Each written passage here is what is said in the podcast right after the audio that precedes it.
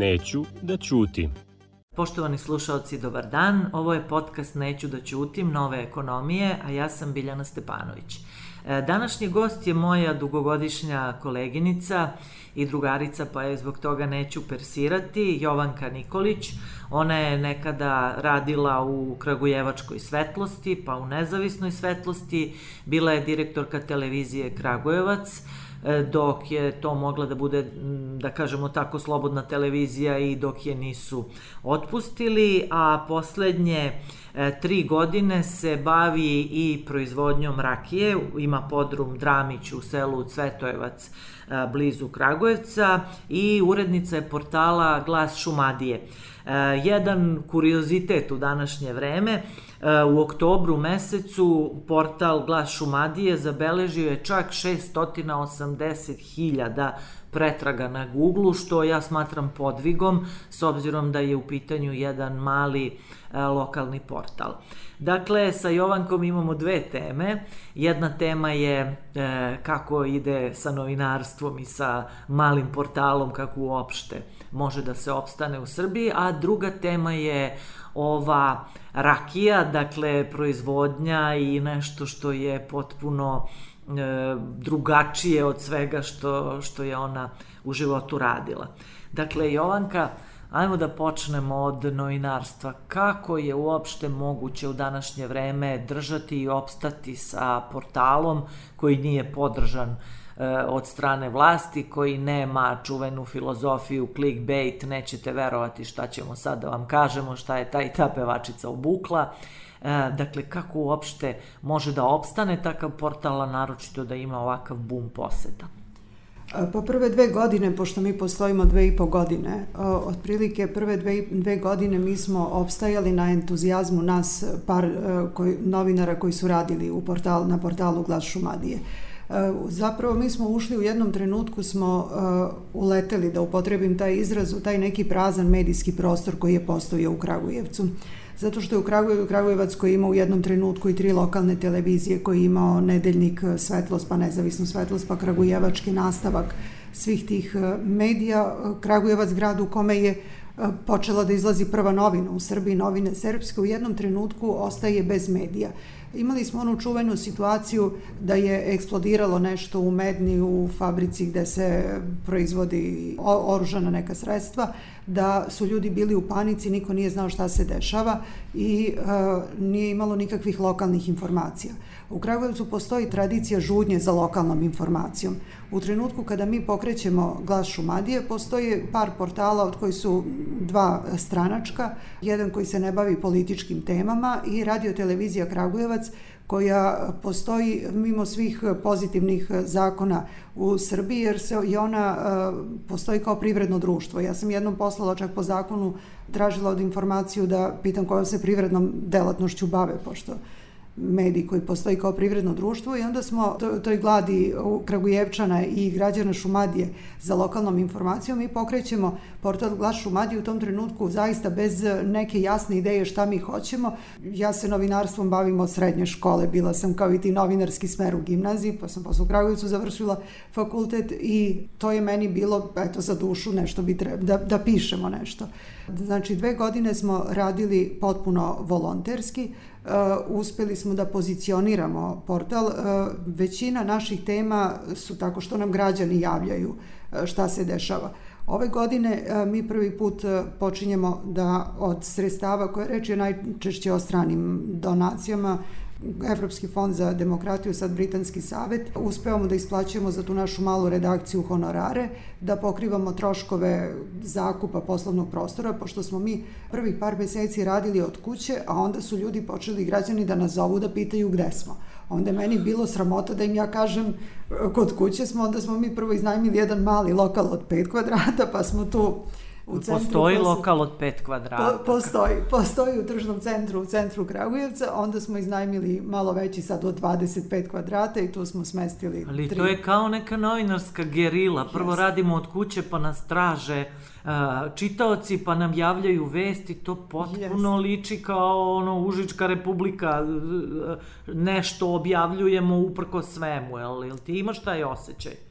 Pa da, da, ali tako je u Kragujevcu. Nije to samo situacija u Kragujevcu, u većini lokalnih sredina je takva situacija. Sa medijima. Sa medijima. Da, jer beogradski mediji, ovo šaka nezavisnih, takođe radi u, da kažemo, ne, neobičnim uslovima, ali nije do te mere, ipak postoje neki uslovi, tako da mi otprilike i ne znamo e, tačno kakva je situacija na lokalu. Je to baš dotle došlo da bukvalno radite gerilski, besplatno i na sobstvenoj energiji i vremenu? Pa kažem, tako smo radili, zahvaljujući uh, sad uh, tim nekim donacijama koji su prepoznali te naše sadržaje, pretpostavljam da su prepoznali i to da smo mi uh, nezavisni ne samo od vlasti, nego nezavisni od bilo kakvih drugih uticaja, da, kažem, mi sad uspevamo poslednjih par meseci, sad se naravno... A da, ali trebalo izdržati dve i po godine do tih par meseci. Trebalo je, trebalo je da se, da se izdrži ono gde je nama stvarno, nije sad ovo zvuči kao da mi nismo mnogo ni normalni, ali nama je mnogo značila ta podrška građana i, i znaš kako to izgleda kad te pozovi, sad oni očekuju da, da ti sad ako oni imaju neki problem, da ti sad izađeš i da taj problem će da bude rešen i građani ne znaju i ne moraju da znaju to na koji način mi radimo. Kragujevac je tu bio specifičan, Kragujevac je jedina, ja mislim, lokalna samouprava u Srbiji koja još uvek nijednom nije raspisala konkurs za sufinansiranje javnog interesa u medijima, pa smo i tu bili, ali meni se čini da sad to ide malo Recimo sad počinju već da nam se javljaju oglašivači za divno čudo sami, ako nismo portal koji je blizak vlastima, tako da Pa zbog posete da... prepoznaju interes, to je u redu. Ali jel se osjećaš ponekad kao fanatik? Ja recimo se osjećam, ono, ali nemam kud, sad moram pa pređeš liniju kad ne možeš ni da se vratiš, ali ja imam neki osjećaj da je ta na, neka grupa nas više, da, da to više nije regularno novinarstvo, nego čist fanatizam. Ne, ponekad osjećam se vrlo često, nekad mi bude i neprijatno, pa kad se, prosto mi neprijatno da se pogledamo ogledalo, dalje normalno da ja u ovim godinama budem tako i entuzijasta i aktivista, to nije, nije baš, e, nekako sam drugačije očekivala da će, da se ta moja novinarska karijera završi, da ide nekim drugim tokom. Ali tako je vreme, mi, Sinoć sam u Kragujevcu bila isto neka tribina, pošto sad popularne te kao Zoom tribine, nova normalnost. Me je ovo nova nenormalnost. Mislim, je sad, mi toliko dugo e, živimo, ja sam fakultet završila 90. godine, već je počinjao rat u Hrvatskoj, pa mi stalno, stalno imamo neke događaje i sve pomisliš, ajde sad će da bude mirnije, pa će nekako da bude nešto normalnije, pa sad i ova pandemija, ali s druge strane, kad mi pogledamo, sad 11. E, dan primirja, pa su u Kragujevcu e, Crveni krst, ja sam skačem na drugu temu, obeležio tako što su položili vence na grob. Elizabeth Ross, britanske e, lekarke koje je umrlo od tifusa u Kragujevcu. E sad kako, zamisliti sad te žene koje pređu okean, koje dođu u Kragujevac u neku malu sredinu gde ljudi umiru od tifusa, pa koliko je njima bilo teško a sad pa valjda ćemo i mi da izdržimo. Pa da, ali kako je to poređenje, ovo nije ratno stanje, mi smo čisto seli da radimo svoj posao, kao što i drugi ljudi rade svoj posao, ovo se pretvorilo u neku bitku za normalnost, jer stvarno slažem se, ovo nije nova normalnost, ovo je još novija nenormalnost. I sad mi treba da se poistovećujemo sa ljudima koji su bili heroji rata. Skroz je sama ta stvar ne, ne. Ali ja sam juče e, slušala predsjednika u kolima, predsjednika na konferenciji za novinare. I ja sam imala utisak da smo mi stvarno u ratu i da je on čovek životno ugrožen, da se tu nešto dešava, da... Ti dakle još uvek slušaš predsjednika? Redovno. Da. E, ja imam iskustvo, sim pošto sam bila odgovorna urednica novine koja se 90 devete zvala Nezavisna svetlost. Znači kako je imala taj e, dodatak nezavisno, onda znamo o kojoj novini je reč. I bila sam odgovorna urednica nezavisne svetlosti u vreme kada je sadašnji predsjednik e, bio ministar za informisanje. Tako da sam vrlo često visila po sudovima, tako da imam to neko iskustvo sa predsjednikom i slušam redovno šta priča. Ali da pređemo mi na posao.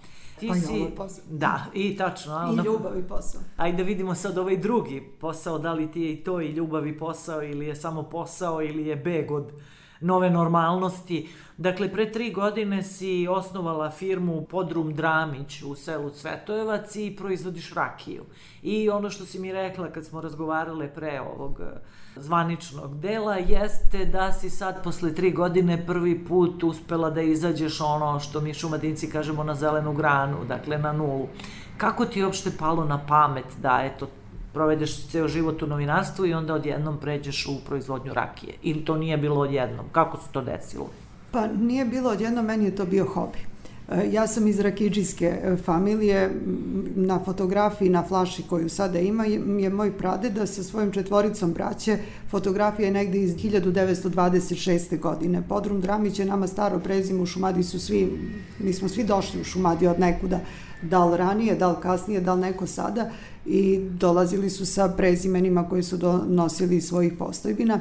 Dramić, oni su se bavili proizvodnjom rakije i zaista su se između dva rata jako obogatili tim poslom. Doduše, radili su verovatno još i po nešto, priča se da su, da su se bavili raznim drugim poslovima, ali su poznati bili kao rakidži i ja sam rasla u porodici gde je bilo, recimo, kuvam odličnu vruću rakiju i tako to je u Šumadi, šumadijski čaj Moj brat je agronom i on je u jednom trenutku posadio 3 hektara e, čačanske rodne šljive, ali pošto se on bavi drugom jednom proizvodnjom, proizvodi šampinjone, onda je on to prilično zapustio i ja sam ga pitala da li bih ja mogla to da preuzmem.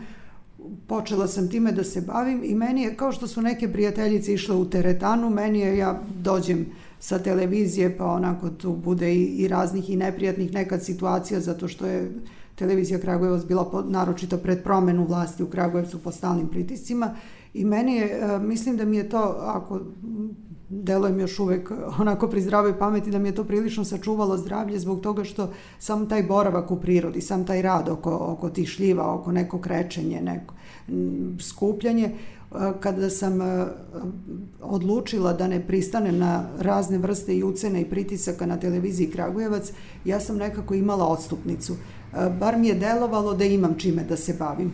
Registrovala sam firmu za proizvodnju jakih alkoholnih pića, upisala u APR, uvela HASAP, to je isto moralo, znači sprovela sve te zakonske procedure.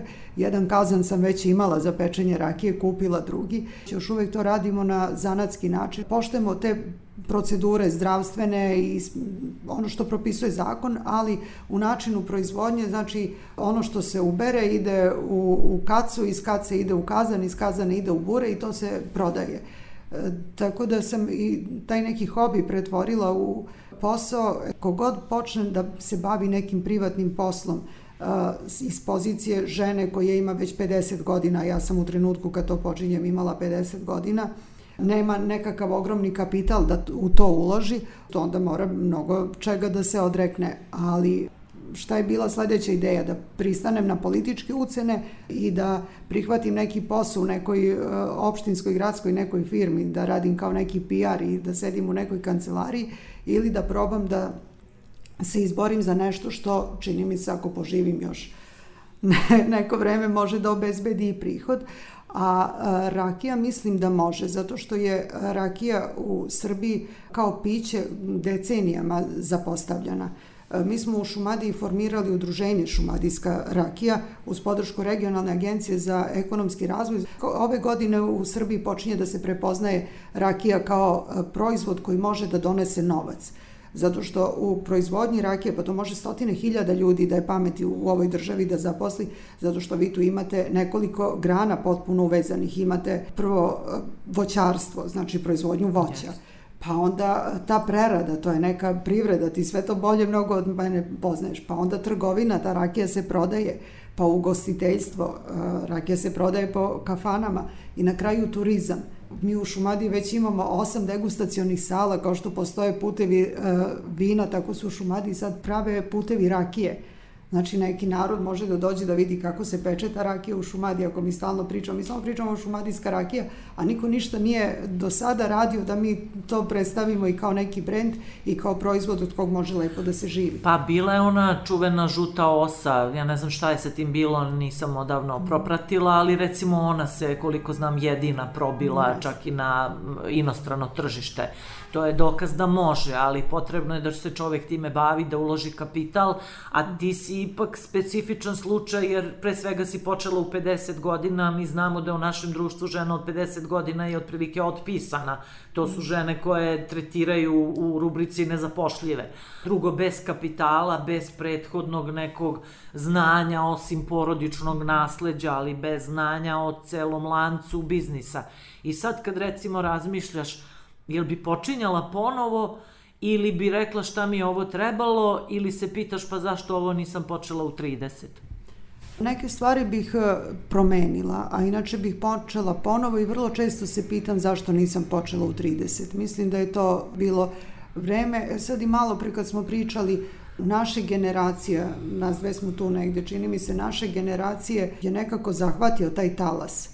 I e, ovde se pod snalaženjem podrazumevalo da je neko uspeo da iskoristi da li da bude ratni profiter, da li da bude politički, sad ne upotrebim neki teži izraz, ali da, da kroz ne znam, neke političke načine se okoristi, a smatralo se da, da su ljudi koji idu normalnim nekim tokovima da nisu baš snalažljive, je tako? To je taj izraz koji se vrlo često upotrebuje. Tako je, pošteno, ne ume da se jeste, snađe. Jeste, Da, tako da kažu, nas je taj neki talas, ja sam završila fakultet 90. i, i htela sam da se bavim novinarstvom E sad, ko se bavio novinarstvom u Srbiji nije mogao da, ne znam koji izraz da upotrebim, a da ne bude politički nekorektan. Pa ne, od novinarstva možeš u najboljem slučaju da živiš, eto, dostojanstveno. Yes. To je u najboljem slučaju, ništa više od toga. Ali, e, nekako, evo ti kažeš da si tek sada izašla o, na nulu o, i došla u situaciju da zarađuješ, međutim šta se dešava? Dešava se korona, svetska kriza, uništavaju se svi redom biznisi, a naročito ovaj ugostiteljski biznis kome je i tvoj proizvod pre svega namenjen. I šta sad? Šta, šta, kakva je sad situacija? Sreća u celoj toj situaciji je da je rakija proizvod koji ne može da propadne, ne može da se pokvari, znači što duže stoji ima veću i vrednost u novcu i ima veću vrednost u kvalitetu. U Kragujevcu ima zaposlenih negde oko 4000 ljudi u zvanično zaposlenih bez onih e, mladića, devojaka koje rade na crno po kafićima u ugostiteljstvu. E, to jeste e, jedan dramatičan problem problem i za nas. Recimo, mene juče pozove restoran kome nosim rakiju, gde prodajem zapravo rakiju, da mi kaže da neće da radi naredne dve nedelje i ne mogu više da ljudi rade, ne isplati se da samo plaćaju te neke troškove koje imaju. Tako da ne možemo mi da napravimo nikakav biznis plan da mi sad kažemo evo mi smo Prvi put smo u, u Šumadi obeležili, do sad su vinari obeležavali kad završe taj proces proizvodnje vina. Mi smo prvi put, e, moj i još dva manja podruma, obeležili smo kraj pečenja rakije. E, završili smo pečenje, završili smo taj jedan proces proizvodnje, nama sad ide sledeći, znači već sad ide rezanje šljiva koje u mom slučaju će da košta negde oko 1000 evra, pa e, moramo tu rakiju da spakujemo, pa sad ja već imam i neku količinu da moram da kupim i novu burad Tako da ide ta, da, da ništa kapitalno ne investiramo, nego samo pomalo da ulažemo, već smo u problemu, ali s druge strane ne možemo da pravimo nekakav uh, investicioni plan. Postoji, osnovan je prvi put i državni savet, uh, tako se nekako zove za, za rakiju, ali još tu nisu neke mere izašle konkretne, niti sam ja sigurna da možemo baš mnogo da računamo na podršku države. Kako ćemo da se snađemo, stvarno ne znam, ne, baš nemam odgovor na to pitanje jer to nije, tu ne može online da se proizvodi rakija, ja malo pre na radiju slušam kad sam dolazila ovamo, pa kao maraton će da se organizuje online. Proizvodnja rakije i degustacija ne može online. Mnogi proizvođači, ja nisam u toj kategoriji, ali mnogi proizvođači su e, prodavali značajne količine. Imam kolege, da upotrebim taj izraz, koji su prodavali značajne količine za proslave za organizaciju svadbi, za organizaciju rođendana i tako toga sad više nema. Pa to pitam, koliko tu sad može dugo da se izdrži, jer samo da kupiš eto no, novu burad i novu ambalažu da staviš ovu rakiju koju nećeš prodati, nailazi sledeća sezona, biznis plan ne možeš da praviš, ali ne možeš ni bez ikakvog plana da sediš i da čekaš, ne znamo ni šta čekamo. Dakle, šta sad ti ošte planiraš da uradiš u, evo, za, od sad pa do naredne sezone? Ja moram sad da razmišljam da ne zapostavim, znači te šljive koje imam, one moraju da se održavaju, zato što ako ih jedne godine zapostavimo, bit će problem. E, tražimo neke nove načine, recimo neke firme su počele da otkupljuju mala pakovanja za za svoje zaposlene. Ali to je sad isto koliko će ljudi da ostane bez posla, koliko će firme da budu u problemu pa će sada da poklanjuju rakiju. I baš da kupuju rakiju, Jeste, da. da, a, ali imamo recimo upite za neke pred novu godinu, ali ne može da se pravi uh, duži plan sem, kažem, tih poslova da završimo.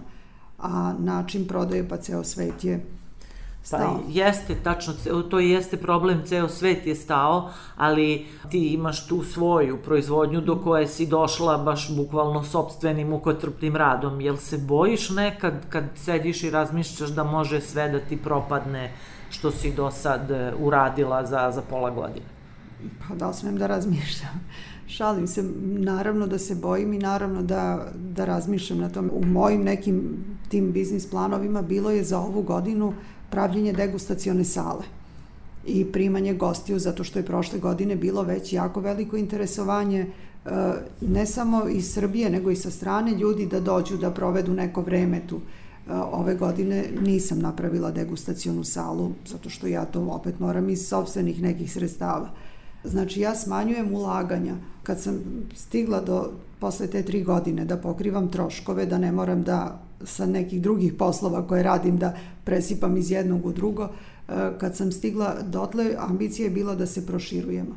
To se sad zaustavilo. Gde god možemo, troškove moramo da smanjujemo, a nove načine prodaje, sad ne znam, priča se pa online prodaja, pa tako ima i toga, ali to su sve mnogo manje količine u odnosu na ono što bar je u mom slučaju meni su najviše restorani trošili. Da li bi neka, sad da nazovemo čarobna reč, inovativna prodaja, jer sad svi govore inovativno, inovativno i svi govore da je u onlajnu šansa, da li postoji neka mogućnost da sad ta online prodaja makar delimično substituiše ovu klasičnu fizičku prodaju restoranima, hotelima i ovo što si do sad radila?